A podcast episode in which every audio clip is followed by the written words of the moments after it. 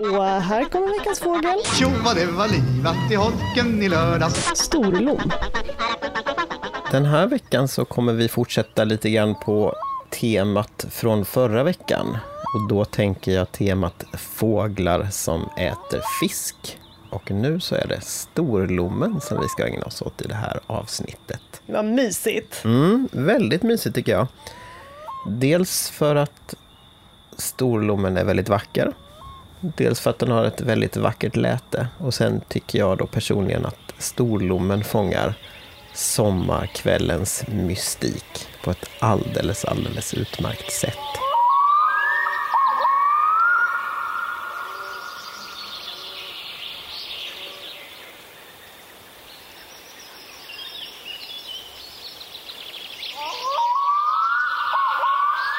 Det här är ju så Ronja Rövardotter trolskt så det, är- det är ju en oerhört vacker sång.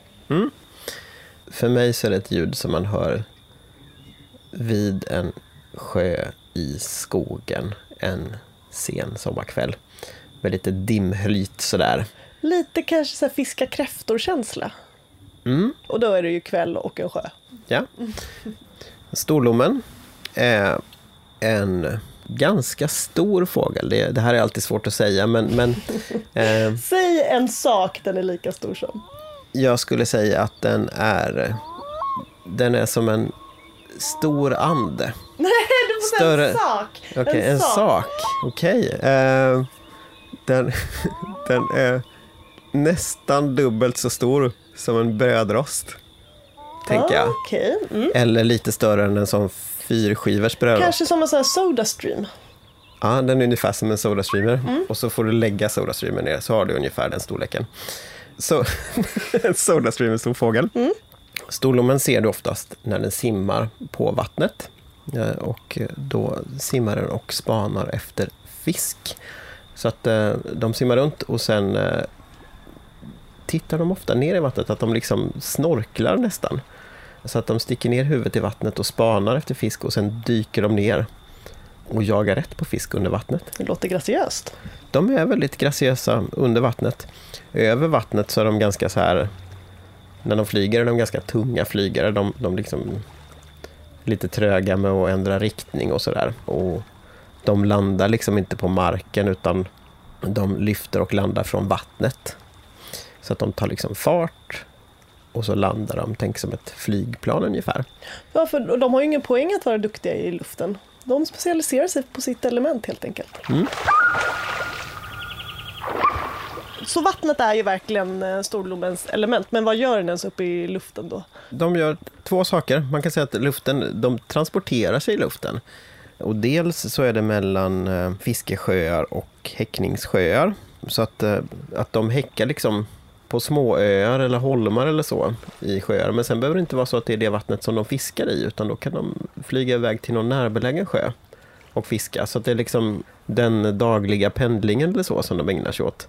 Och sen flyttar storlommorna, de kan ju inte simma runt i sjöar och fiska på vintern. Utan de övervintrar ute på havet. Så att de eh, flyttar också. Eh, så att, och då transporterar de sig också. Vad roligt, så Mm. annars ser man flyttfåglar som de flyttar från norr till söder fram och tillbaka. Men de här flyttar från sjö till hav och fram och Precis. tillbaka. Precis.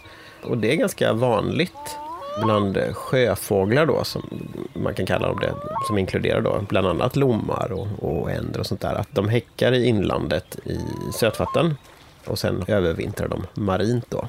Så skärgården är the place to be på vintern för en fågelintresserad. Det är nog kanske snarare så att det är tillgång till öppet hav som gäller för dem, så att eh, Men var, var, var sitter de? Var landar de någonstans då?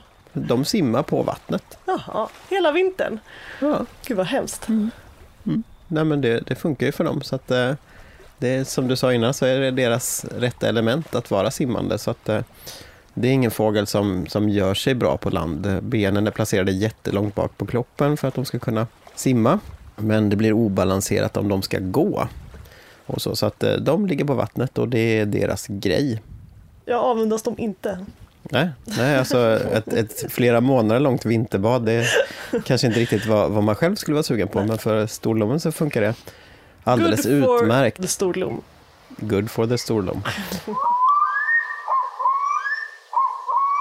Det är en väldigt, väldigt vacker och elegant fågel med, med ganska lång hals som går över liksom i ett, i ett elegant rundat huvud och så har de en, en dolklik näbb. Och de har någon så här lite sammetsliknande finish nästan som med, med, på sitt gråa huvud. Och det, det här är ju då att de har en väldigt tät fjäderdräkt.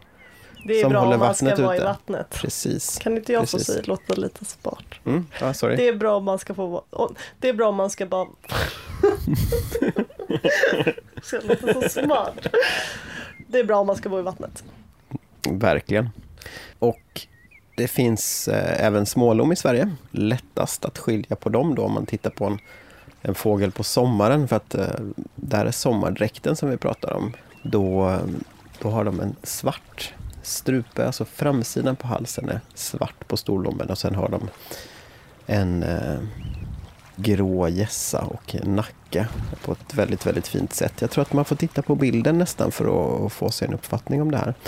Men det är en oerhört elegant fågel då som simmar förbi. Ja, men, vilken trevlig fågel, supersnygg och världens vackraste sång. Mm, verkligen. Och det här lätet det, det fångar på något sätt det här lite nordiska sommarnatt, eh, vemod, lite naturmystiska på något sätt. Jag tycker det är oerhört härlig fågel och skapar en enorm stämning på försommarkvällarna då.